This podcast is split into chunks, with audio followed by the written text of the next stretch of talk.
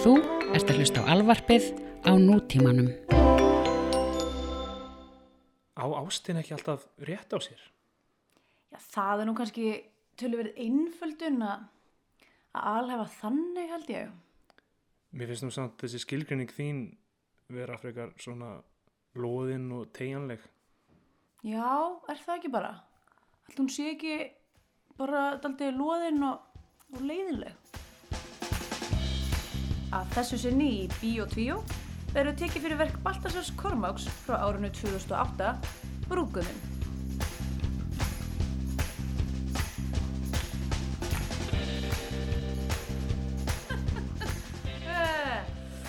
Sæl og verið velkomin í Bíó 2, hlaðvarpið um íslenska kvikmyndir.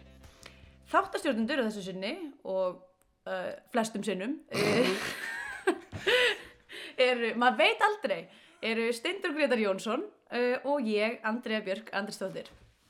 Góðan daginn. Góðan og blessa. Þetta ekki, ég er smá ágjör að þú ætli bara að reka mig eitthvað eftir svona þátt. Sko ég var að hugsa, það sem ég var að hugsa eitthvað, kannski, maður veit aldrei hvað gerist, kannski þú veist, verður þetta mjög vinsælt podcast og þú veist, uh, og svo deyjum við Já, eða drefum hvort hana, leiðendum. og þá tekur ykkur annar við og þá fannst mér þetta bara, að ég veit ekki, mér fannst þetta bara viðandi. Mér finnst afsökunar úr þessu. En já, við erum sem sagt hérna uh, Bíó 2 Já, við erum 2 og þú veist, ef eitthvað, eitthvað, eitthvað hlustendur á núti er eitthvað að segja hluti, þú veist, senda okkur tölvupóst eða, þú veist, harður bríf eitthvað, segja tvíó sé ekki orð þá bara, Það er okkur kross að bera. já, ég, ég meina þið veit, veit ekkert hvað er að tala um. Tvíó er alveg jafn gott orð og hvað annað. Og sorry að við séum ekki þrjú en staðan er bara þannig að við búum í Berlín og erum að reyna að hafa podcast hérna um íslenska kvikmyndir fyrsta lagi mjög erfitt að nálgast íslenska kvikmyndir í Berlín Mjög. Og bara kvikmyndir almennt í Berlín. já, já, ég meina það eru flesta döbbaðar á þýsku Já. og, uh, og í öðru lagi Íslendingar, jú það er góður hópur af Íslendingum hérna ég er ekki viss um að við getum haft gest í, í hverju viku Ekki í hverju viku. en kannski getum við einhvern veginn haft gest að, að tala um einhverja góða íslenska kvikmynd Þá getum við verið Bíó 3 Þri... Nei. Sko. Já, ok, ok, við verðum potið Bíó 3 þá, við verðum ekki Bíó 3 Bíó 3 af því það er bara ofnálat fyrir Nei, myndinni. nákvæmlega, þetta er bara, þetta er ákveðið núna, það er Bíó 2, Bíó 3 og, og Bíó 4 Já, menn það má allavega ekki vera kvartett eða neitt sem meikar sens Nei, Það, já, rétt, vissulega. Já, uh, Hvað segir þú gott annars á þessum fallega degi?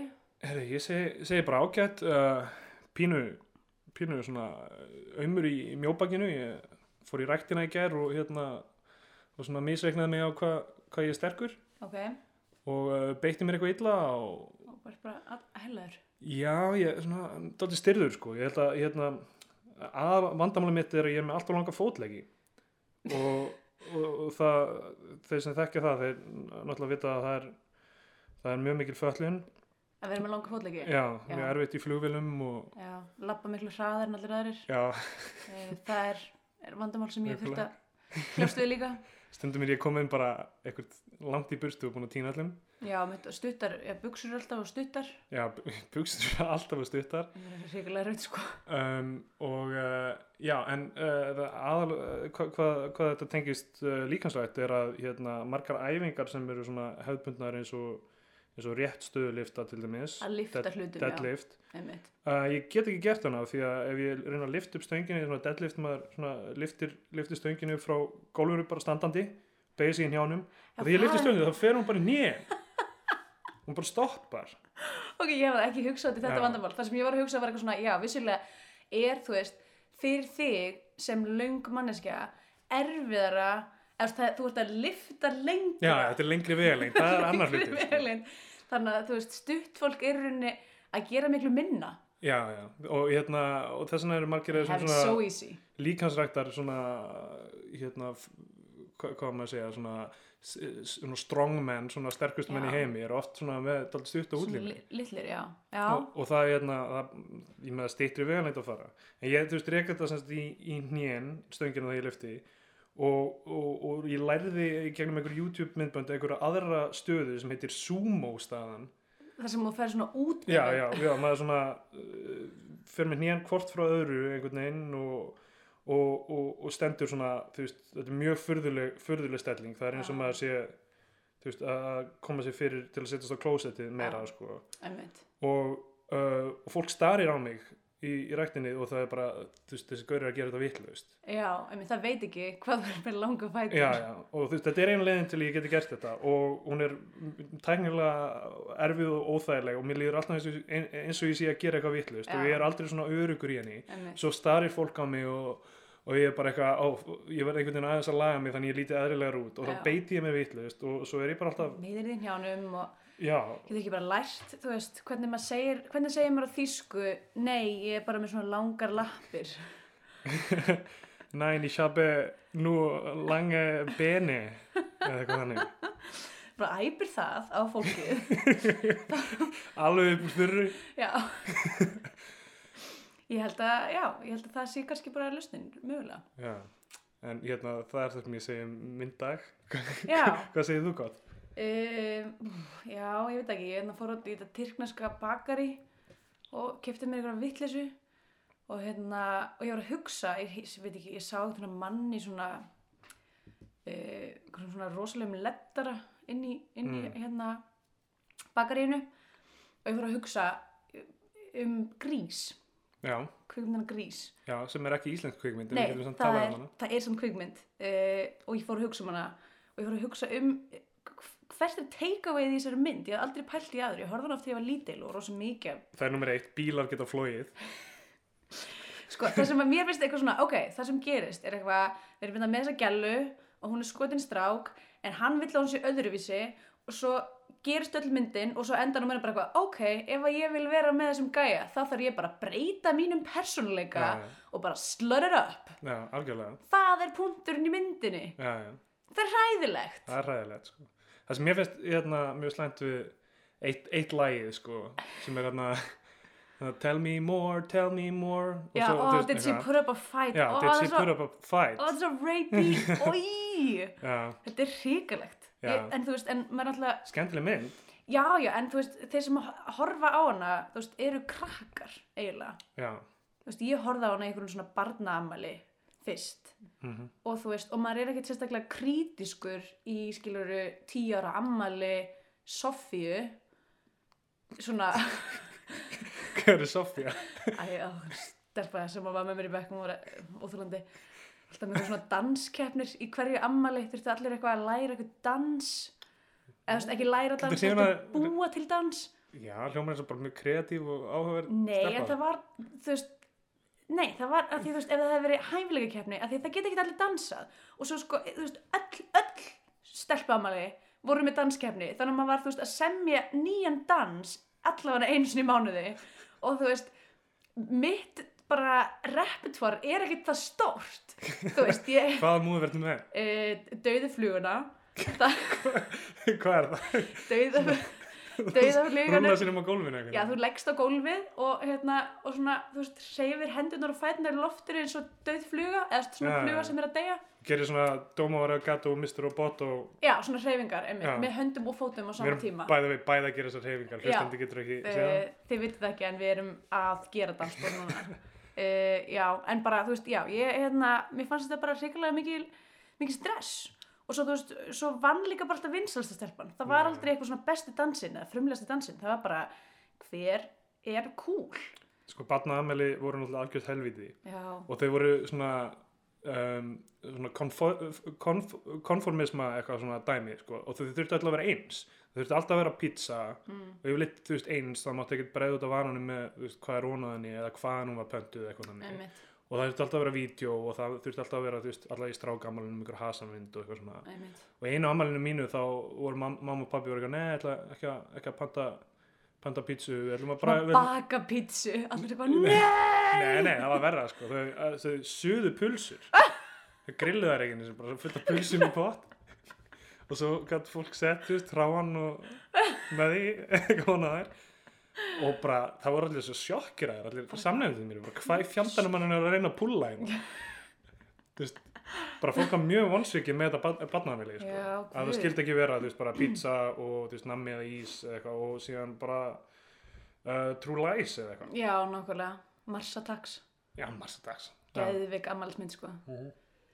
Já, þetta er, ég veit ekki, ég, ég var með einnig stelpi bekk líka sem að hérna, sem að var alltaf með keilu ammæli.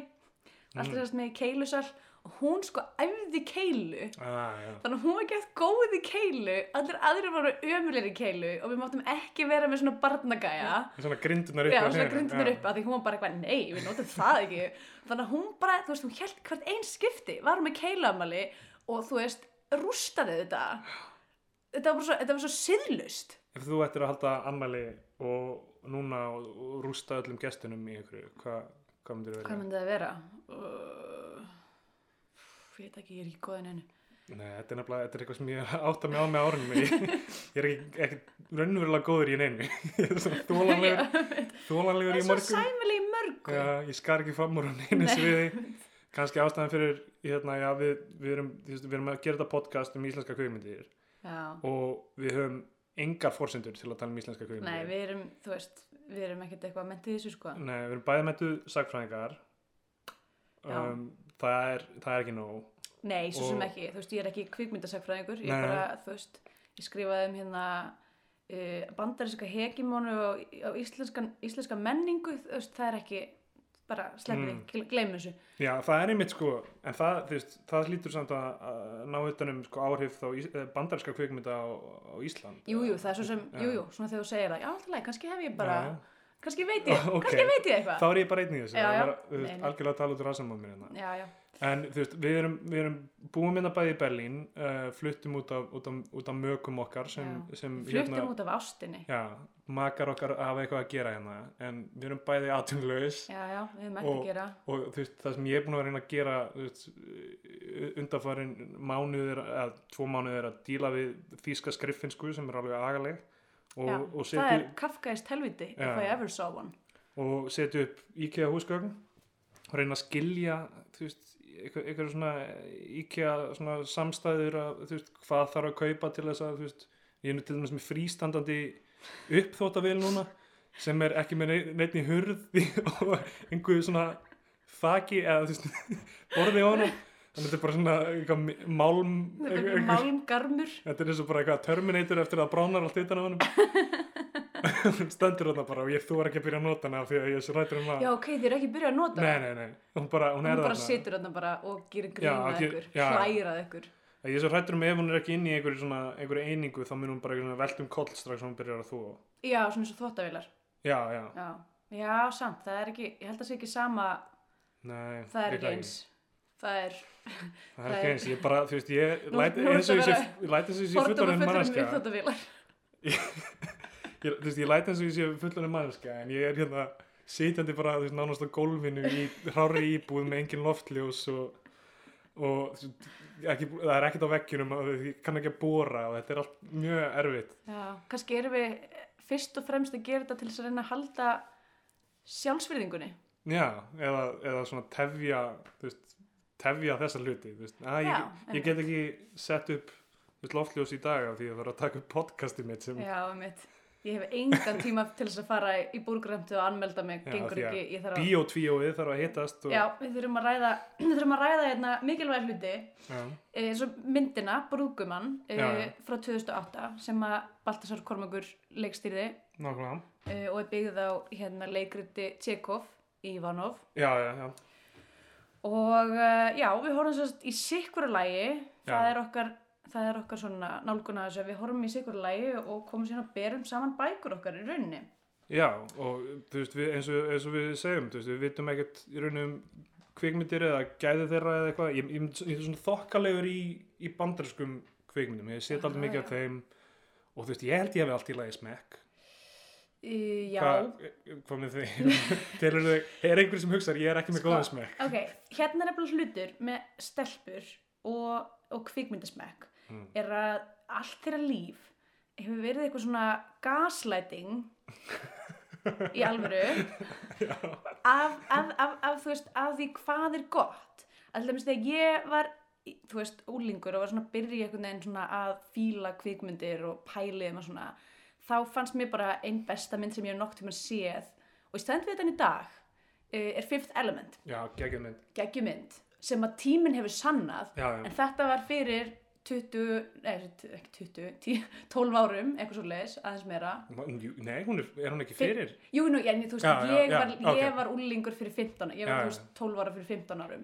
Þannig að fyrir svona 15 árum, þá var hún ekki, naut hún ekki e, þess, þessa virðingar sem hún hefur núna.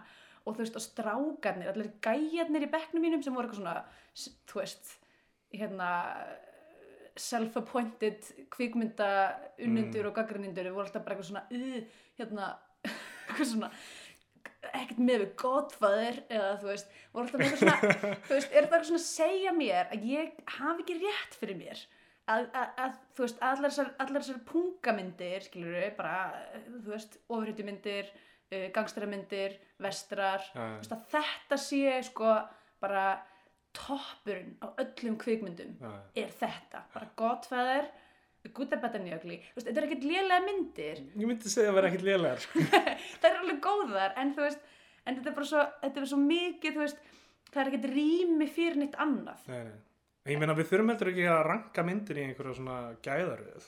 Að nei, það- alls ekki. af því að hérna, þú veist ég meina, við komum öll á, ég held að það sé hægt ég held að ég, ég meina, ég aðhyldist ekki einhver svona menningalega afstæðishyggju að þú veist, að fyrir þér geti þú veist, uh, ég veit ekki um, hver er hræðileg mynd uh, Love Guru verið besta mynd í heimi og það sé eitthvað svona eitthvað sem þú getur staðið við þú veist, það getur, og ég meina, það getur verið einhverju mannesku þannig að úti finnist Love Guru besta mynd í heimi. Já, ég menn það er alveg fólk sem að þú veist elskar Ed útbundir Já, já, en þú veist manneskjan sem fíl, ok, Ed, Ed Wood hefur kannski svona allavega svona kaltæðnislega þú veist, það er hægt að horfa með einhverju kaltæðnislega svona Mm. gliröfum, sko, en Love Guru þú veist, ef þér finnst um besta mynd í heimi þá hefur það rangt fyrir þér, það bara, það er þú veist, þú hefur þinn smekk, en þú bara eh, veist rasisma ekki já, bara alveg 100% sko. Já, þannig að hérna, veist, ég held að með, með veist, aukin þekking og ég vona í gegnum þetta podcast með að horfa, horfa fleiri, fleiri íslenska myndir þá, þá læru við meira Já, og kannski, já, þú veist, kannski er á endanum hægt að fara tilbaka og skoða einhverja mynd og segja, herri, ég, ég skil núna hvað var svona frábært við hana.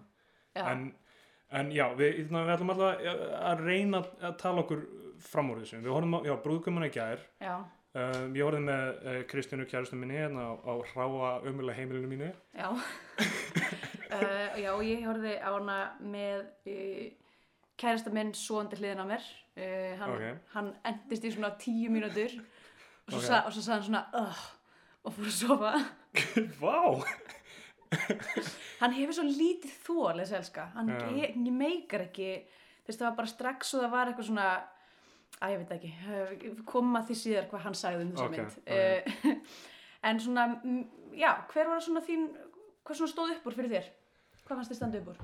Sko, um, mér, þú veist, settingið á myndinu, hún gerist í, í Flatey mm. og Breiðafyrði og aðalpersonan, leikina Hilvi Snæ, aðalpersonan sem heitir Jón Jónsson, by the way, já, sem áhugavert, ok, ég veldi fyrir mig sko hvort að þú veist uh, Ivanov, já, er ekki Ivanov bara eitthvað svona, Já. þú veist, Jón uh, þeirra, þeirra það getur vel verið, sko, það er öruglega einhver geggjur pæling bæði við þetta. Um, allavega, Jón Jónsson, hann er, uh, hérna, háskóla, háskólaprofessor og hérna, já hann er, hann er svona já, hvað maður segja, hann, hann er uh, kemur sérstaklega ljós svona setni partin og já, ok, við, já, svona sp- spoiler dæmi, við kannski, við kannski erum ekki að fara að tala um nákvæmlega hvernig myndin fer hérna, eða hvað Ég veit ekki hvort, eða bara ef við komum kom inn á það. já, hún er átt ára gömul og þú veist, ok, við reynum ekki að skemma alveg fyrir fólki en og, raun- hún gerist í rauninni á tveimur uh, Tímalínum. tímalínum í einu Já. annars vegar er, er hann brúðguminn, hann er sem sagt Jón Jónsson er að fara að gifta sig uh, og svo sjáum við líka sambandið hans við fyrri eiginkonu sína Margreti Viljánsdóttur Mm. um, og sagt, sjáum hvernig það samband leistist upp. Já, og þetta er alltaf að gerast þarna, sem sagt, ein tímalínan er að gerast í rauninni bara, uh, er, já, teknilega séu þrjár tímalínur, af því það er tímalínan sem að, nei, nei, ég er að rugla, uh, af, Já. að, af því að hann byrjar að, byrjar að hösla hinagæluna í gamlu tíum já, já, þetta getur orðið pínu, pínu trikk í að hérna, þeir nota svona svona filterblæbriði milli, já, þú veist það er aðeins gulleitt svona gulleitt fortíðin Já, það er búið að greita aðeins öðruvísi og svo er eitthvað svona, hérna, svona brenn, brenn, svona filmubruni já, sem að svissar á milli, hérna, á milli sem sagt tímalína. Myndin byrjar á því að hérna, við erum í brúðkaupinu að, að við höldum í brúðkaupinu það sem hérna, uh, Hilmir Snær er að fara að giftast hvað heitir leik- leikkonan Laufey Elíasdóttir held ég. Um, sem leikur uh, Þóru nýju konunars Mm. og síminas ringir á altarinn og hann svarar. Og við lærum strax að veist, þetta er æfing fyrir brúðkaupið svona daginn áður. Já, sem ég vissi ekki að veri til á Íslandi og held að sé ekki eins og til Erlendis að, að brúðurinn mæti í kjólnum en hún var sem ekki í kjólnum, hún var með slöri. Var hún bara með slöri? Og svo var hún bara í einhverjum hvítum hlýraból. Ok, ok, þannig að slöri var eitthvað svona bara grín þá, en maður sér, maður sér það ekki svona hvernig það er skotið fyrst að Nei, nei, Maður á einmitt að fyrst sér já. maður bara heldur að þau séu að gifta sig. En ég, einmitt, ég veit ekki til þess að þetta sé eitthvað hlutur sem Nei, gerist, sko. það er einhvers konar run, run through sko. og kannski við tölum aðeins um, um, um brúðkaup almennt í þessu sko. af því að veist, ég, hérna, ég, ég mjög áhuga um brúðkaup af því að þú veist, fyrsta lagi orðið brúðkaup er styrlað Já, og, og mjög svona Og gifting líka þannig séð, Já, já. þetta er allt, allt mjög svona gamaldags og hérna og, og, snýst um einhvern veginn hvernig tvær fjölskyldur skiptast á eignum sem er annars einhverju búgripir og einhver, síðan einhver dóttir. Og hérna um, en, en sko það er mikið af svona hefðum og, og, og í myndinni, í brúðkaupinu þegar kemur að því í myndinni þá er þá sko sitja kallanir öðrum megin og konunar hinum megin Einmitt. sem er svona hefð sem, sem Ég ég held að. Stund, stundum er þetta eitthvað svona vinir brúðarinnar vinir eða Já. Jú, ég held að það sé sko algengara að það sé hérna, einmitt svona vinir, ein fjölskylda einum megin og hinn fjölskylda hinnum megin en, en svo þú veist, ég veit ekki, ég þau brúkup sem ég farið í, það hef ég bara sest bara það sem er lust pláss sko, ég er, ekki, Já, já. ég er alls ekki að pæli því Ég held að það sé örgulega besta, besta leiðin sko. Ég vann við það sem unglingur uh, að kvikmynda brúðkaup. Aha, Já, um, Ok. ég og uh, við erum minn Rúnar Geinarsson leiksturi uh, við hérna stofnum við svona þjónustu. Og með léni myndataka.is léleg myndataka? Nei, nei, léni léleg myndataka.is, ráðið okkur. Um, Við getum tekið upp Snapchat sögurnar ykkar uh, Nei, myndataka.is og ég veldi fyrir mig hvort ég eigi þetta léni en þá. Já, hei, það verður Nei, það getur, ég er hérna ekki búin að borga neitt. Kannski á Rúnar það. Já, En já, við sagt vorum ráðnir í brúðkaup og kvikmynduðum brúðkaupið og aðtöfnina og, og veisluna og kliftum það saman og hérna gerðum svona sér bara Vaffa S bólur fyrir, fyrir brúðhjónin til að geta horta eftir á og svona síðan ræðunar aftur og eitthvað. mm. Og þetta var, þú veist, það fór alltaf mikill tími og minni í þetta með hvað við fengum borgað og eitthvað svona, þetta var góð reynsla samt. Og það sem ég sá uh, svona almennt á brúð, brúðkaupum allavega á þessum tíma, ég hef verið þetta er svona 2002-2003 kannski eða eitthvað, Mm verið svona 17-18 og þetta eru fyrstu brúðkaupin eða sem ég sé sko, ég man ekki eftir að hafa farið ég er alltaf verið mjög ungur, en það, þau voru öll rosalega lík. Mm. og það var alltaf uh, þú veist, Páll Rosenkrantz kom og söng eitthvað Have I told you lately that I love you? Oh. eða þú veist, það var alltaf eitthvað svona rótring af þú veist, Páli Rosenkrantz og þú veist, einhverjum svona svipuðum típum mm og svo gerist það alltaf að, að, hérna, að brúðhjónin, að það er eitthvað, þú mátt kissa brúðina og þau kissast einu sinni og svo kissast þau aftur og allir fara að læga eitthvað, ó þau get ekki Þau slitið eru hvort svo fyndin, þau eru svo ástungin oh. Unga fólkið og, og síðan var einhvern veginn svona þú veist, veistlutan allar eins og eitthvað svona Mm. Hva, þú veist, hvernig finnst þið, myndir þú vilja fara í brúðkaup sem brýtur upp formið eða væri það kannski bara ofklikkað fyrir, þú veist Ég veit ekki, ég fór í brúðkaup, síðasta brúðkaup sem ég fór í, það var, uh, það var hérna svona goða brúðkaup mm. og það var, uh, aðtöfnin var á ströndin í Vík í Mýrdal og hérna, bara reynisfjöru, bara fólk er bara að fara undir með öldunni reyndar ekki fyrir mistum, mi- mistum móður brúðarinnar og mistum prestinn en annars var þetta bara ágætis- þeir sem að voru hrumir, þeir skóliðist í þeir, Já, það var, uh, þannig að þetta var í rauninni kombo, líka hérna okkur jarðaferðir.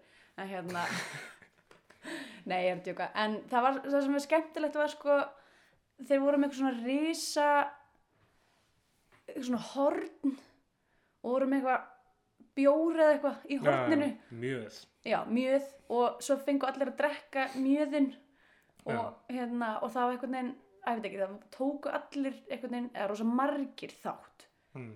Því það voru allir eitthvað já, og svo þarf bróðir brúðarinnar að drekka mjöðin og svo kærasta bróðir brúðarinnar að þarf líka að drekka mjöðin svo bara mjöðurinn láta hann ganga og eitthvað, þetta var alveg Og, hérna, alls er það góðinn, er að drekka mjöðinn. já, já, hann fekk nokkur sinnum sko. Já, var þetta alls er það var þetta einhver annar, eru undir góðar? Er, er, er, uh, ég ég, já, ég Ég man ekki sko hvort það hefur verið allsegja góðin eða ekki en hérna, svo kom, svo reyndar eitt svona sem er greinilega staple af því að það, svo kom Svavaknútur og spilaði. Hann þurfti að drekka mjöðinn. að hann þarf að drekka mjög, það var allir að drekka mjöðin sko, það var- alveg bara þú veist. Það var kúlit ég, já, já, þetta, þetta var, þetta var svona sjálfsmórs, hérna, já, já. einmitt. Allavega, já, herri, við vorum að tala um myndina. já, um, einmitt. Uh, og já, og, og hérna Ólafur Eil Eilsson leikur prestinn já, og hann skrifa handritið með Baltasar Kormaki já, ok. Og það sem ég fannst fyndið í ennum tíumbúti í myndinni þá, þá er hann að tala við ég man ekki alveg hvern en þeir, hann er að útskýra fyrir einhverju personu af hverju hann sé sköllóttur. Já, einmitt, sjálfsofnamið hann er að tala, hann er að tala við Margréti Williams já, hann er að útskýra eitthvað ég með sjálfsánæm sjúkur var sköllóttur mjög snemma og misti allt hára líkamannum mm -hmm.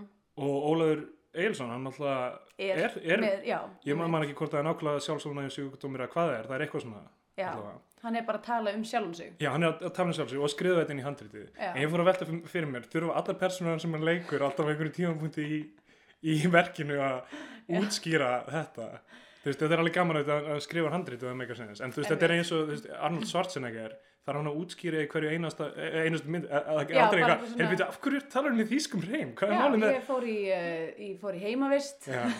Já, það er svona eitthvað exposition sem þarf að setja inn í hverju einastu mynd til að útskýra af hverju. Það, mér, það var náttúrulega aldrei, það var ekkert alltaf gert, það var eiginlega aldrei gert í Arnold Schwarzenegger myndum. Nei, bara Og, og mér fannst það, ég var alltaf bara eitthvað, af hverju tekur enginn eftir þessum reym? Er Já. allir bara eitthvað, já, já, hann ljómar eðlilega, þetta er allt í lagi.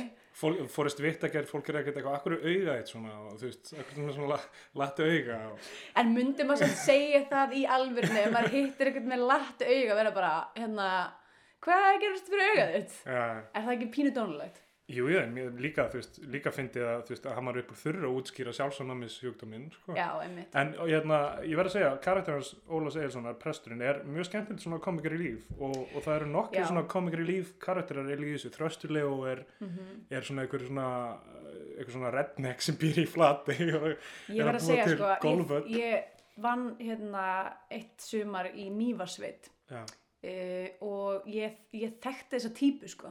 Mm, er hann gæja sem er alltaf með eitthvað, þú veist, gett mikið eitthvað um járnum í eldinum og allt einhvern veginn samt í ruggli já, já. og þú veist, og ég með, ég, ég, ég tengdi við hennan karakter sko, en mér fannst eiginlega hérna presturinn, að mér fannst hann vera senuþjóðurinn. Já, hann, hann, hann hjólar um eiguna Já. sem er öll út í hólum, hann hjólar upp og niður og alltaf rosalega erfitt. Það verðist ekki spara honum neitt tíma að vera hjóli um það að lappa, sko. Nákvæmlega. Já, hann er bara eitthvað svo, hérna, hann er bara svo rosalega vel leikinn, myndi ég segja. Já, og, og hérna, já, já, sorry, ég, hérna, allar að segja eitthvað meira um hann. En en Þrösturlega, sko, hann, hann er að, að reyna að gera golfvöll fyrir ferðamenn. Mm og það er svona, þú veist, þessi mynd kemur út 2008 eða eitthvað. Já, og hún er mjög svona forspá um ferðamannabilgjuna á Íslandi. Hérna, hann er að sína túristum eiguna, hann er að þú veist, eitthvað svona rukkað á mikið eða þú veist, er svona, þú veist, að græða á túristum og eitthvað og er svona bladra eitthvað kjaftað um Ísland til að segja um eitthvað you will notice that around this island there is sea everywhere eða eitthvað svona, þú veist, það kemur einhver svona einmitt. það er mjög góð brandar í myndinni og hérna, þetta, þú veist, þetta er svona nokkrum skrefum á undan sko Aktuál búminu. Já. Já, Já algjörlega. og Jó- Jói Sig er hérna pappi brúður hann á einu tímapunkti syngur uh, já, það- hann og Þröstlegu syngja eitthvað svona ættjarðalag fyrir þíska túrista. Já, og svo, svo þegar svo byrjar Jóa að tala um að hann hafi lært í Þískalandi og syngur eitthvað þíska óperu já, og grípur þíska túrista sem er mjög fyndi atriði. Skítræðir hann og það er bara eitthvað að syngja á hann. Já, það er svo fyndið að því að túristinn var svo mikið bara eitthvað eins og, eins og hann væri bara að fá eitthvað svona skafræningi andlitið, hann var alveg bara Já. Ég glimti að fletta, ég ætlaði að fletta því upp sko, alltaf þegar kemur svona atriði í, í, í íslenskri mynd það sem kemur einn persóna og talar eitthvað ellendmál mm. veldi ég alltaf fyrir mig hvort myndin hafi fengið fjármögnun frá því landi. Já, það getur vel verið sko. Já, en ég fletti ekki upp þannig að kannski ekki draga neina á leiktanum með það. Nei, einmitt. Já, hvað fannst þér um þessi, þessi söngatriði? það já, þau syngja þarna uh, Syngja gráið fyrringin fyrringin og svo á, hérna, á kaffistofunni eða barnumadna uh, og svo náttúrulega faraður hérna, út með píanóið. Og líka þarna þegar að píanóið er að koma já, já, já það er, það, er, sko- það er eitthvað svona sex söngvatriði í myndinni. Þú veist, ég veit ekki hvernig maður flokkar söngamyndir en þetta geti alveg flokkast sem söngamynd sko. Mér, þú veist, þetta var alveg þú veist, ég veit ekki, þetta var sætt þetta var svona karakter í þessu, það var svona karakter í þessari mynd, þetta var svona Íslands þú veist, það var fegurðin, eigin, það var hérna uh, miðnættursólin og það var uh, ég verið að svona syngja einhver íslensk lög og eitthvað svona. Ég held að þetta sé, þú veist, ég- þetta skiptir alveg, þú veist, íslensk kvikmyndagerðar er held ég alltaf að reyna að finna sér svona þú veist, hvað er það sem gerir þessi virði að segja sögur á Íslandi og gera kvikmyndir á Íslandi og það fer aldrei oft í, í, í að vera svona aldrei litteral með bara við erum að syngja íslensk lög og sína íslenska náttúru og þú veist, við, við erum mjög, mjög íslensk. Þannig að þessi mynd er í rauninni svona svona túrismauðlýsing Já, ég hún er örugglega vel, vel hefnu sem slík þá. Ég, hérna, hún var alltaf markasett sem einhvers konar grínmynd að þú veist, hérna kofverða það var eitthvað svona eitthvað svona, a, a, a, brúðurinn er að halda er eitthvað, eitthvað svona og, þú veist, að því að, og svo þú veist, horfir fólk á myndun og er bara eitthvað, vá, þetta er miklu meira trist og eitthvað svona, þú veist, þetta er ekki pjúra grínmynd í rauninni, en kannski svona fyrir skandinaviska bíómynd þá er þetta grínmynd. Já, það er alltaf margt. er alltaf að díla við harminn í öllu. Já, og svo náttúrulega, já, var það, það stable uh, eitthvað segir maður uh, svona einkenni fyrir íslenska myndir er að það var vissulega ein snar geðug mannskja sem framdi sjálfsmorð Mhm. sem að er uh, eitthvað sem við sjáum oft og ég bara, þú veist, ég verð að segja Magga- þá, þá personu sko. Margita Vilnars personuna já, hún hefur engin persónueinkenni önnur en að vera geðveik og vera ekki svona stereotypist svona gamaldags geðveik. Já, eitthvað svona og þú veist, mér finnst það sérstaklega þegar það svona var, undirtóðin var að hún væri, væri þú veist, gæti gegnast börn þannig hún Já, var alltaf eitthvað svona eitthvað, eitthvað, að, eitthvað, leg, sjá, sjórinn er leg heimsins og eitthvað svona get obsessed. Allar- undir allar, allar teikningarnar hennar voru eitthvað svona leg. Og ég bara svo þetta er svo ógeðslega klísi kent eitthvað svona, ó, hún er geðveik út af því að hún getur ekki eignast börn. Ég samt alveg, var það undirtónin að hún börn? Ja. uh, eiginlega var það, þú veist það, ég veit ekki hvort það var eitthvað ég held, þetta, mér fannst þetta lúmst sko en, Það getur vel verið, ég bara, en, en ég svona fann allavega fyrir því að það var, þú veist, þau voru búin að vera saman í, þú veist, 20 ára uh, og áttu engi börn og hún var alltaf að gera einhverja list sem snýrist að einhverju legi og, og hérna já, einhverjum afkvæmum og eitthvað svona, þú veist, hún setti eitthvað svona eggin í mitt þannig að þanglegið og eitthvað og þú veist, það var eitthvað svona það var eitthvað issue fyrir hennar, mér finnst það bara svo ókslega fyndið að það sé í alvörinni, þetta er svona hm, af hverju eru konur geðveikar? Út af leginu.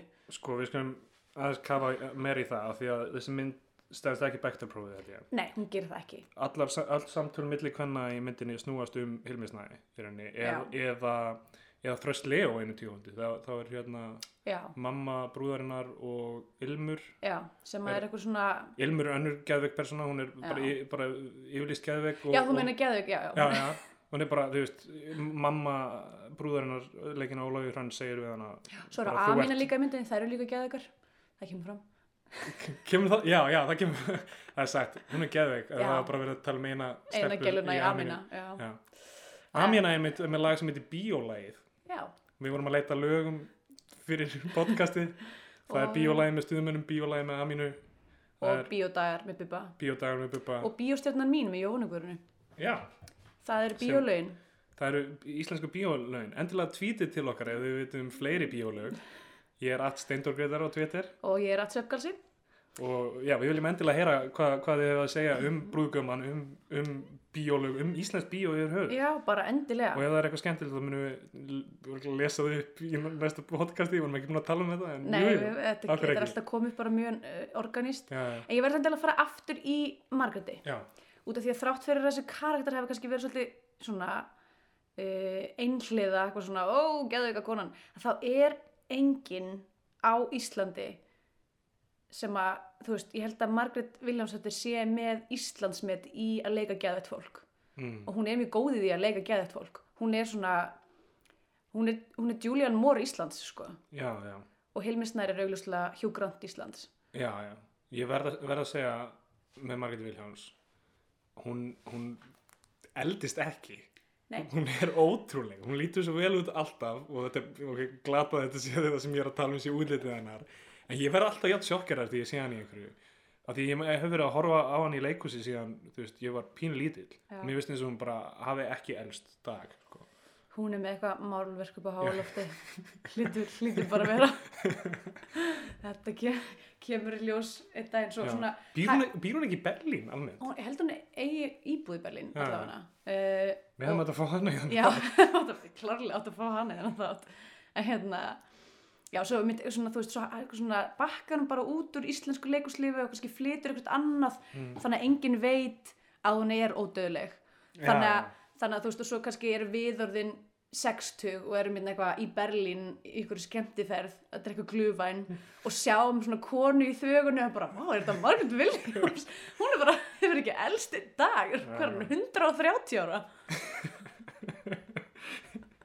Hún mun lifa okkur allaf já, hún mun lifa af, af hérna, lofslagsbreytingarnar og, og heimsenda já, allan pakkan um, uh, já, við sjáum líka tippið á Helmisnæði þessari mynd í uh, örstutastund já það, er, það er líka, það er svona annað svona geðið fólk, sjálfsmorð teipaði hulmisnæ, já, uh, svona hlutir sem eru í flestum íslenskum já hlutir sem eru tippið á Helmisnæði mikið millir tannan á fólki. Það er rétt, það hefur mikið verið rætt um þetta. Ég er svona, eiginlega ætla svona bara segja, mér finnst við ekki þurfa að ræða það út af því að nei, nei, við þurfum ekki að tala með þetta. Þetta hefur, ekki- þetta, hefur verið, þetta hefur verið tekið fyrir eh, þú veist, þetta er bara eins og annars og pítsu bara, kom on, við erum búin að ræða þetta. nákvæmlega. sleppum því bara, þannig að ekki, ok, við ætlum ekki að tala um tippið á Hilmisnæ. Uh, eitt sem að fór svolítið í töðunar á mér eh, ok, það voru nokkur hlutir sem, ok, nú ætlum ég bara að fara að tæla upp hlutir sem fór í töðunar á mér Mm. fyrst við erum að ræða þetta. Já, stendst ekki bedstaprófi, það er það er svona pínu uh, það við heldum við munum rekast mikið á það Já, ég held það. Allavega svona, jú, jú, örgulega bara, þú veist, ég þurfti að giska myndi segja að það er kannski svona 10% af öllum ísl- íslenskum kvikmyndum væru Já, já. stæðust betsirprófi, sko. Mm. En ok, fyrsta lagi. Það er þarna atriði þar sem að þeir eru á höfninni og það er að koma einhver svona golfbíl já, og þeir eru að rífast við eitthvað svona hóp af slöðum. Hvaðan? Hver eru þessi slafar? og hvaðan koma þeir? uh, Það, ég, ég, sko, ég þurfti að pása því ég var bara, hvað? það kemur aldrei alveg fram hvert er þeirra hlut? Eru þeir að selja þeim golfbílinn og af hverju er það okkur svona hópur eða einhverjum slöfum í addaskólum að, þú veist, að selja golfbíla út á landi? Já Veistu, ég, ég er ég, ég pætti ekki alveg í þessu þá ég held að þessu sena, hún var hún var einhvern veginn, hún snýrst um það að Hilmir Snær hefði ekki alveg fókus á verkefninu sem er að byggja hana golföll Já, þannig að, hérna og, og væri byrjaður að daðra við þessa stelpu sem er nefndaðan sem hann endanum, endanum hérna, gengur upp á altarinu með já, já. Og niður og út í sjó. Já, Um, en hérna sko, það er eitt við persónu í Hilmir Snær sko. um, hann tekur engum breytingum í gennum myndina í rauninni. Nei, hann vex ekkert, hann þróskast ekkert. Og uh, maður veit ekki almennilega fyrir en þannig í blá lokin að hann er með þú veist, uh, hann er með eitthvað svona eitthvað writersblock eða eitthvað svona eitthvað rítstýplu eða þú veist, er eitthvað svona finnst hann vera einhvern veginn svona að klikka í lífinu og já, mér finnst það ekki vera að hafa verið undirbyggt þegar það svona allt vellur upp í lokin sko Nei, einmitt. Þá var hann bara eitthvað svona, já, já, ég ætla að fara að skrifa, veist, hann komin aftur í þetta leiðilega líf sitt Mhm. og er eitthvað svona, já, ég ætla bara að vera heim og skrifa. Í glæsilegu húsi í, í hundruðænum. Já, einmitt. Það var mikið hlutum sem að mér fannst svolítið svona, mér fannst það ekki trúanlegir. Eins og til dæmis, uh, hérna, Sjonni. Ég hef aldrei hitt mannsku sem heitir Sjonni. Um, hmm. Hver heitir Sjonni? Það var það karakter Ólafstara. Já, Ólafur Darri leik sem sagt vin uh, hérna eh, Jóns, Jónssonar og hann var heit, kallaður Sjonni og ég, honestly, eina skipti sem ég hef séð þetta orð, þetta nafn nota er bara í heimur Sjonna sem var í bleikt og blátt the day og þú veist að það, ég bara, hver, hver myndi vilja láta kalla sig Sjonni? Uh, þeir sem heita Sigurjón, er þeir meira kallaði Grjóni? eða? Ég veit ekki, bara, en þú veist, en Sjonni, þetta er Já. eitthvað svo ó, veist ég þú hef ekki verið til í að vera kallaður Sjóni. Sko. Ég viltu bara kalla þér Sjóni þar sem eftir lifir þessu podcast? Uh, ég veit ekki hvort ég vil taka það á mig. Kynna mig sem alltaf. Ég hef aldrei verið með gott, ég hef aldrei verið með gott viðnefni. Uh, aldrei tekist að kalla, þú veist, Steindór, ég meina það er aldrei tekist að kalla mig Steini, ég hef ekki verið kallaður Dóri. Nei, Á tímabili í Hagaskóla var ég kallaður Tóri. Það er mjög skrítið. Já, uh, ég, þú veist, ég hataði það þá af því mér fannst það að vera svona, svona þú veist, bullying dæmi, eða þú veist, af því ég, eða, ég var svona ekki með, á nót, með í því einhvern veginn. Núna, mér finnst Tóri skárra svona í seinni tíð, núna ég hef ekkert að móti því. Mér finnst það svolítið svona, uh, það er svolítið svona of mikið að reyna. Hmm. Að því mér upplegið náttúrulega Andrea fyrsta lagi rýmar ekki við neitt, þannig að það er mjög erfitt að gera uppnefni um mig. Mm. Uh, og, Ég mun gera einhverja tilraun ok, ég, er bara, Men- ég hlakka til. En ef þú ætlar að fara að segja Andrea Pandrea, get the fuck out. Það var ég Það alltaf er- einfalt. hrikalega lélegt um, en já, einu sinni var ég kvöldið Addi en mér Mm. fannst það líka bara, ég var eitthvað svona það, you, veist, you're trying too hard Mm, Dr. Dr. Drea, já, Dr. Drea hef ég svo sem verið kvöldið stundum en það er yfirleitt ykkur svona hjákallu gríni en það var aldrei loðinett við mig þannig að ég held að bara kvöldið Andrea eða það.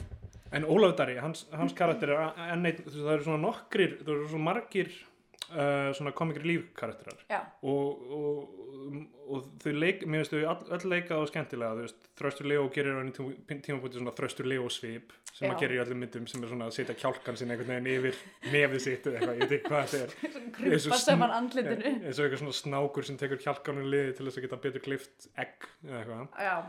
Uh, og er það eitthvað svona það er hlutur. Ok, það, já, en þú veist, ok uh, ok, ég Ok, og- höldum að fram ok, Ólafur Dari, hann er, hann er svona fulli vinur, eini vinur Hilmisnæs, hann er eini vinur hans. Sjónni. Sonny, hann er, þú veist, hérna, já, ágætið sett upp með, þú veist, hann er, bara, hann, hann er bara í fötunum sem hann er í, hann er ekki minna tösku, svo náttúrulega verður öll fötin skítu, hann týnur öllu saman, þarf að spila orgeli, þetta er, að, mér finnst það pay off allt saman.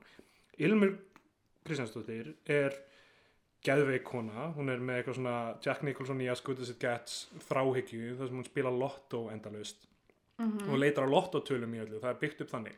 Það payar ekkert off í, þegar líður á myndin það, það, veist, það, það, er, það er bara ekki nefnt setna og hún fær eitthvað svona litla, eitthvað svona romantíska sögum með þre, þresti Leo sem er svona ve- Foil bara. Já, ég með það er, það er ekkert í gangi þar sérstaklega, en þrösti Leo er þú veist Uh, hans karakter er að, veist, hann er að byggja hann golfvöld í Flatey, hann involverar Hilmisnæði, það, það er einhver fjármála, þau þurfa að leigja landið af fóröldrum brúðarinnar, Mhm. það er einhver svona fjármálavingill í aldrei sögunni sem er svona með marga, þú veist, marga lausa enda, eins og tímapunktinu þegar hérna, Jói Sig, sem sagt, pappi brúðarinnar lætur Hilmisnæði fá allan peningin til þess að til þess að borga skuldina við sjálfan Já, við, við, við, við móðurbrúðarinnar sem er brjáluð og hugsa bara um peninga. Já, um, það sem ég finnst forvitið við það af því að hann er nýbúin að þeim, tímapunkti er Hilmur Snæði nýbúin að segja við Ólafur Hraun móðurbrúðarnar ég á ekki peninga, ég get ekki borgað þér svo kemur Jói Sigur með þessa peninga til hans já, og hann á að fara með á borginni einmitt en Hva? hvern, þau eru á eigu Hvar fékk hann þessa Hvaðan peninga? kom þessi peningar? Í fyrsta lagi, hvaðan kom þessi peningar?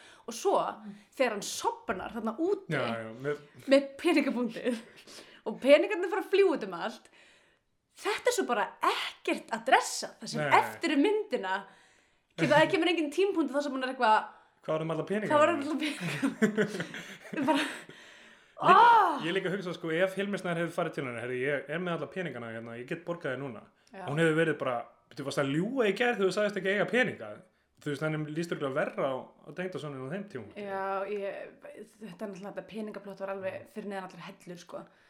Og svo, og já, og svo er líka dóttir þeirra hérna, Þóra, sem brúðurinn hérna, hún, Já, hún er yngst og maður sér það á því, eða maður á að sjá það á því hún notar orðin svo sjúkt og, og vá, það er svo staukt.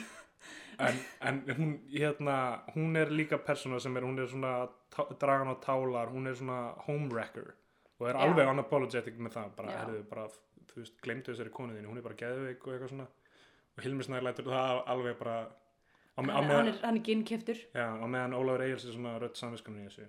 Ég, veit- ég, ég veit ekki, ég vil ekki, veist, maður, það er hægt að pota svona gött í allar myndir og veist, mér- ég, svona, ég, alltaf hrættur, alltaf hrættur, þetta er fyrsta podcastið, en, en það sem ég ótaðist í upphafi væri að vera að tala eins og maður vissi betur eða gæti gert betur eða, þú veist, e- eitthvað þannig, veist, Íslensk kvikmyndagerð til að byrja með og, þú veist, er, er algjört kraftaverk og við erum með eitthvað 300.000 manna þjóðfélag og núna er komið út hvað einhverja tíu myndir á árið eða eitthvað svona, veist, við erum með eitthvað, þú veist, hálftóman kvikmyndasjóð og, og hérna og þú veist, erum að uh, fólk er að reyna þetta og, þú veist, og, og stundum kemur eitthvað gott úr í stundum kemur eitthvað sem er ekki fullkomið. En ég meina um, það, sem, það sem ég held að þetta podcast verið að snúast um er að, er að þú veist, okkur þykir rosalega væntum um þetta allt saman og við erum forvitin og, við viljum, og ég, vil, ég vil bæta upp í mína gloppur á minni íslenskri kvikmyndaþekkingu.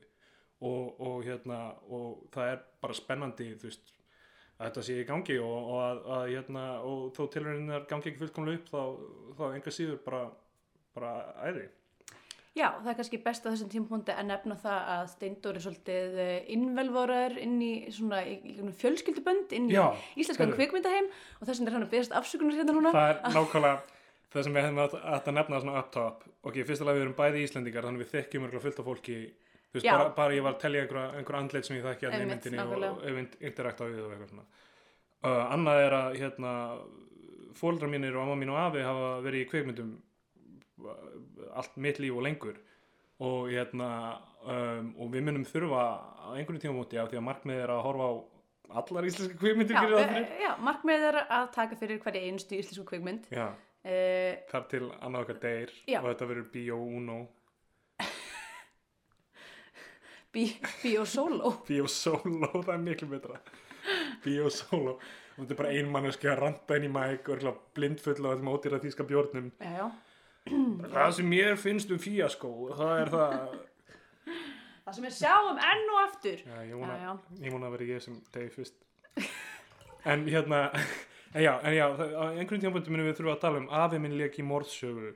Uh, amma í börn náttúrunar gott ef afi voru ekki líka. Um, ég, pappi gerði leikmyndinu útlaganum.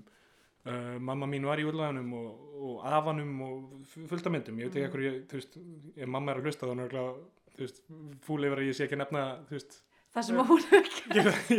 já, hún var í útlaganum hún var í, hún var í afanum, hún var í Benjamin Dúfu Já, já.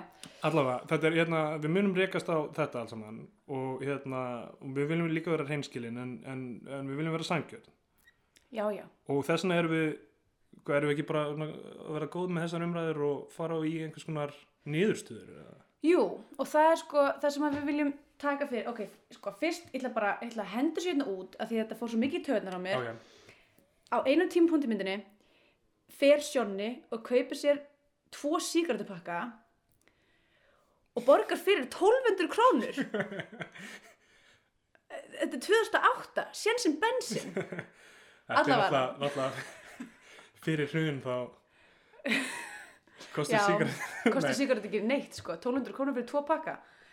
Allavega kannski er þessi verslun í flatei bara eitthvað hérna, kannski er- er- að er bara hérna- nýta sér sterka krónu og kaupa þær inn og smigla þeim inn frá einhverju kannski landi eru sér slafar Úf, já, það, það, ég meina þetta ekkert þannig með við, þarna erum við að koma með eitthvað smigla inn sígarettum eitthvað í gegnum subplot. S- s- já, slafarnir eru þarna með greinilega einhvern varning já, og þetta er bara, þú veist, þetta er bara hot. Já. þessi sígarettupakkar eru örugglega bara eitthvað, þú veist. Ég vil sjá Brúkumann 2 um, um já, ég vil sjá meira um að slafa er um svona, persónulega, já, svona eins og borgríki eða eitthvað svona það sem einhver svona einhver austur-evrósk mafía er með ítök í, í Já. flateisku í flatisku uh, Undir heiminum. já, emmitt þetta væri til að sjá, til dæmis. E, e, ef ykkur er að hlusta og við erum kannski að tala þú veist, ef við pitsum ykkur góðu bara hafið samband við ykkur, við erum alveg til að algjörlega. Þróa eitthvað Við með skulum ykkur. bara þróa einhverja mynd, við skulum bara skrifa hana, við skulum leggja í henni, við, skulum, við erum tilbúin að vera stjörnir, við höfum ekkert að gera í Berlín, við erum Eh. atvinnulaus og, bara, og bara þe- þetta er það besta sem okkur dætt í huga að gera, þannig að við erum alveg,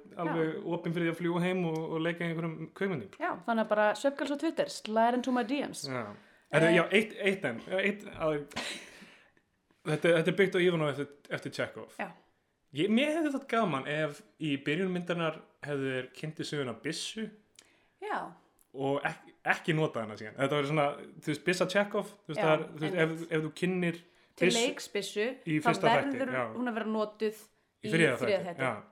það hefði verið gaman ef þau kynnt þú veist, þau, ok, nú, nú er ég ekki sérfræðingur í, En í þetta er reyndar ekki rétt út af því að uh, Ivanov eftir Tjekov er uh, hérna fjórileik þettir mm. og byssan er notuð í síðasta. já, já, já, það er í, í, í síðasta þætti allavega, það, það er, Já, það er lítur að einmitt. Þannig að, já, ef þetta er þryggja þátta þá í þriða Já, þætti, ef þetta er fjóra þátta þá í fjóra þætti. Allavega. Það var, ein- já, en það var nú byssan notuð reyndar, en hún var notuð Já, þess að skjóta golfkúlur, þannig að það var svona pínu... ekki skjóta golfkúlum, heldur skjóta golfkúlum Já. Svolítið svona antiklimatíst, uh, svona, hvað Tjekov var þar. já, já, En já, við sem sagt ætlum að taka svona samantækt í lokin og þá erum við með sem sagt um, í rauninni tvö segment. Andrei er búin að þróa staðal Já, ég er sem sagt búin að fór uh, í mikla rannsóknarvinnu og bjóð til sem sagt uh, skala sem að ég kýsa kalla Scandinavian Pain Index og uh, við hyggjumst taka hverja mynd og, sagt, og finna hennar stað á þessum skala. Uh, og þetta er sem sagt svona þegar maður horfir á íslenska bíómyndir og skandinaviska bíómyndir og þá er alltaf það oftast svona, það er svona uh, skulum við segja? Það er einkenni á þeim. Einkenni formsins eða svona þessa, þessa genre eru er mikil hrigð um, svífur mikil hrigð yfir vöpnum og þetta má sjást sko, það er nokkur svona mótíf. Það er hrigðin já, sem að endurspeglast oft líka í hvernig kvikmyndin er greituð. Já, hvort hún sé, þú veist svona oft er þetta svona, svolítið svona litlaust Mhm. og svona þungti yfir eða svona brúnir tónar oft. Uh, og svo eru svona já, sérstakki karakterar eins og geðvika manneskjan Mhm. uh, spilti laurglumæðurinn eða spilti alþingismæðurinn eitthvað svona, það er eitthvað svona spilling sem á sér stað. Strá, strákurinn sem er laður í einelti. Einmitt það líka. Og svo er svona uh, minni eins og eitthvað svona barátta manns og náttúru. Mm. þetta má sjá í ýmsu myndum eins og bara hérna Nóa Albinóa og, og hérna. Svo ég bara í sjónvarpið og svo í ófærið og... já, einmitt, það er alltaf eitthvað svona og hrútarunni, það er alltaf eitthvað svona náttúran hérna, náttúran er svona, þetta er eins og í Sex and the City New York er fymti karakterinn. Oh my god. Í íslensku kvikmyndum þar er náttúran er, er eitt af aðal hluturkonum oh, guð minn góður. Ég var bara að koma að uh, en hérna þannig að við reynum að greina hver einustu mynd út frá þessum svona þessum standard. Og hérna og það er nú af mörgu að taka já, í brúkumarum fyrsta lagi staðsetningin Já. þetta er í einhverju eigu, einangrað uh, náttúröflin eru í fyrirrúmi. Mm það er sjálfsmorð. Það er sjálfsmorð, það er geðu kona hún fyrir með sjálfsmorð, þetta eru tveir, tveir staðlar. Uh, það, er mikil mikil töluverdi, allir drikkfeldir Já. er nánast nema svona einmanneskja það er miðaldra maður í krísu. Já, miðaldra menn í krísu eh, náttúrulega eh, fleiri einn. Mhm, ég já, já. allir mennirnir sem mynd voru í ykkur krísu mm þú veist, og voru líka bara algjör mannbörn já, já, uh, og það er, þú veist, það er nú kannski ekki eitthvað sér íslensk myndi ég segja, ég held að flestar kvikmyndir í öllum heiminum fjallum eitthvað mannbörn og díla á eitthvað. Við munum ekki leysa einhver mein mannkynsins í þessu podcasti þó við munum reyna. Já, við munum reyna. En hérna, en það er svona, þú veist, Íslandingar eru svona búin að finna smá hérna um, söluvöruna sína veist, í, í kvikmyndum. Og það er, veist, það er þessi skandinavíski realismi það er, er náttúra, þú veist, við sjáum hvað er að selja, seljast til útlanda, sko. Það eru oft dýr líka. Já, já, og það, þú veist, ég með þetta er, þetta er einkenni, sko. Um, En svona ultimately, það sem að, ef við ætlum að, ef við ætlum að reyna að, það eru margt sem, margt sem að myndi setja brúðgumann mjög hátt á Scandinavian Pain Index. Mm.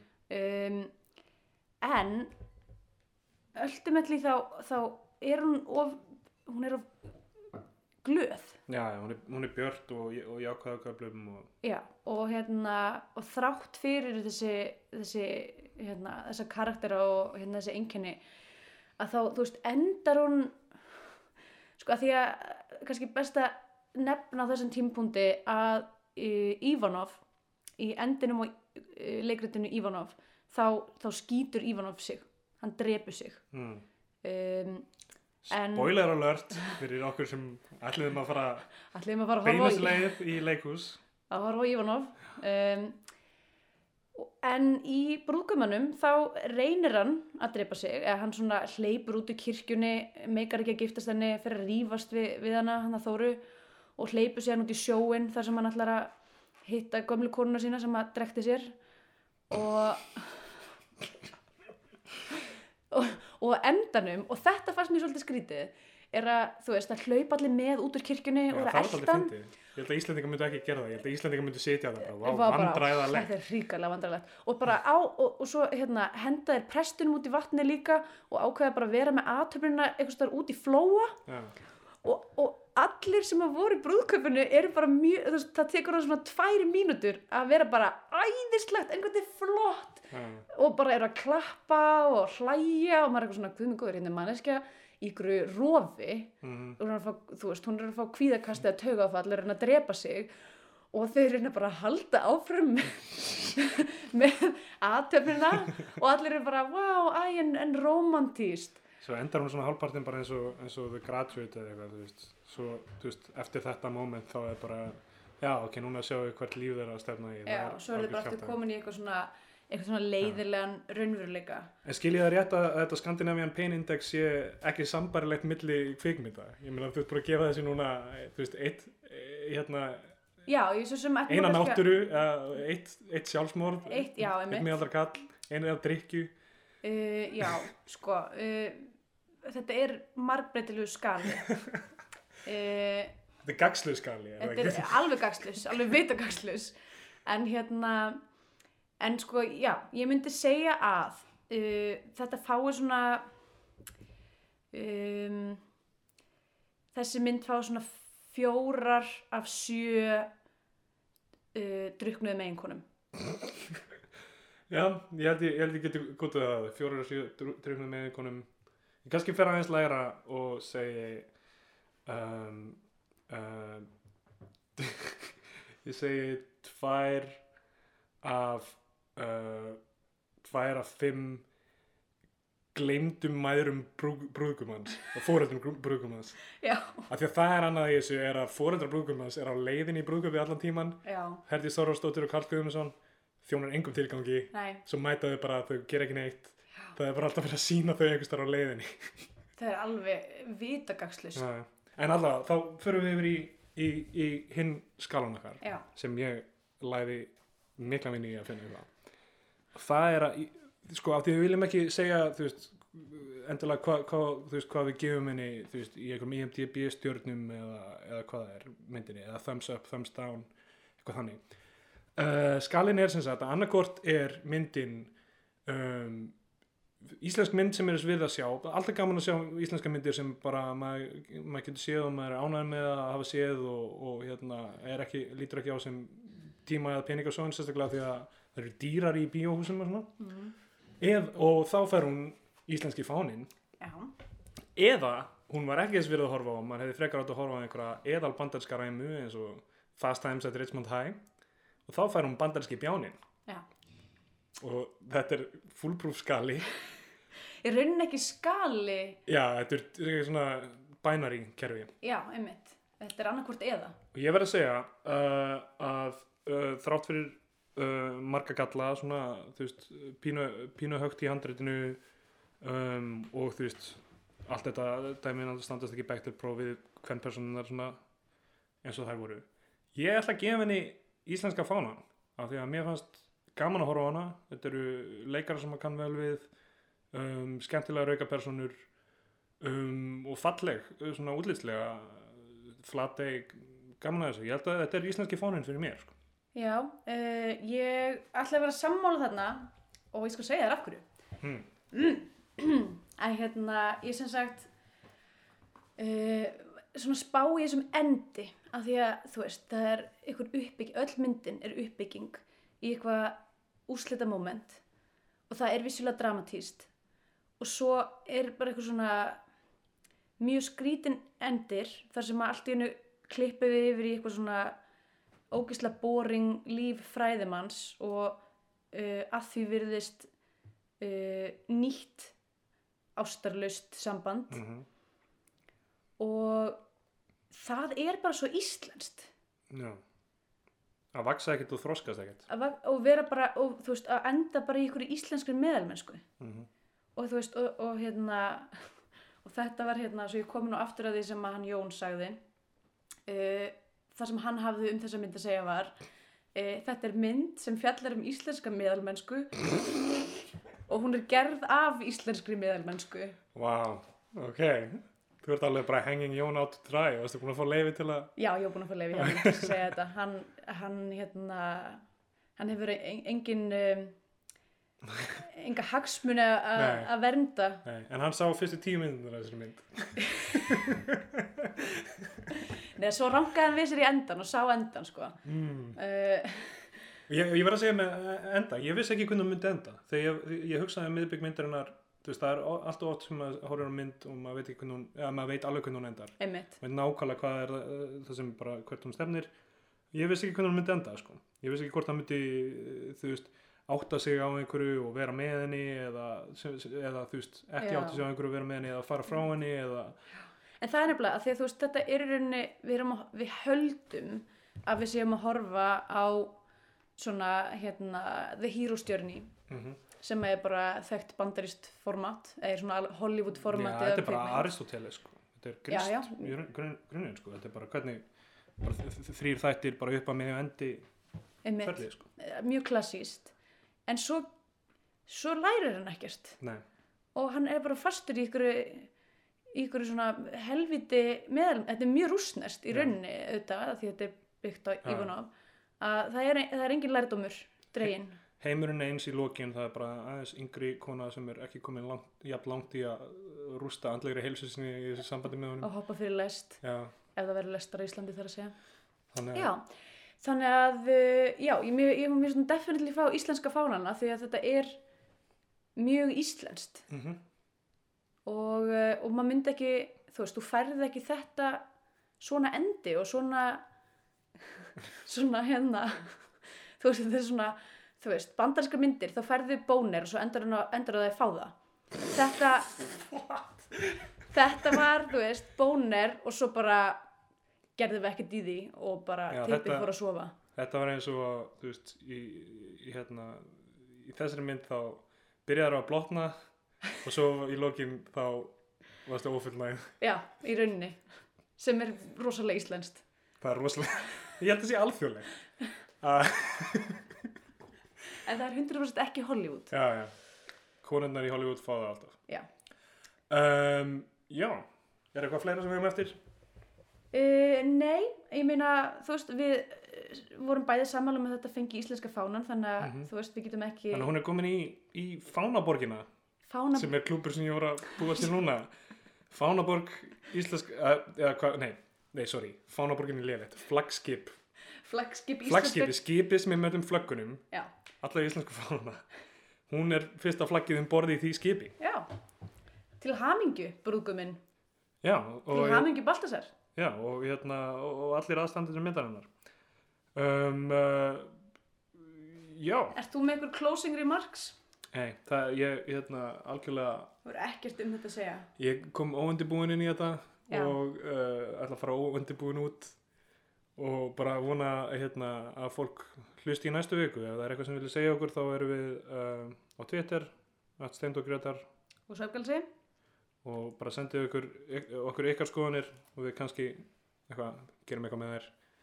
Og hérna í næstu viku þá verður önnur íslensk kvikmynd sem okkur hefur tekist að nálgast hér út í Þýskalandi sem er aðal um, uh, þrándur í götu okkar er að það er ekki hægt að fá allar íslenska kvikmyndir inn úti. Þannig að uh, sjáumst síðar. Já. The end. Mega það vera loka orðin? Oh boy. Uh, Finn. Finn,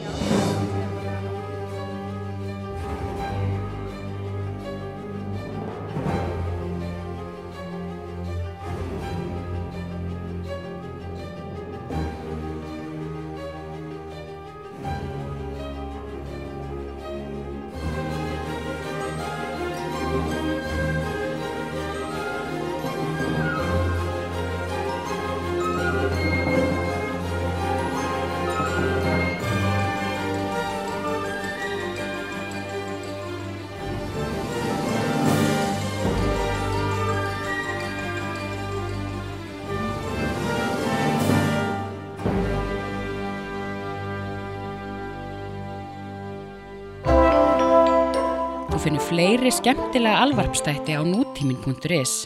Takk fyrir að hlusta.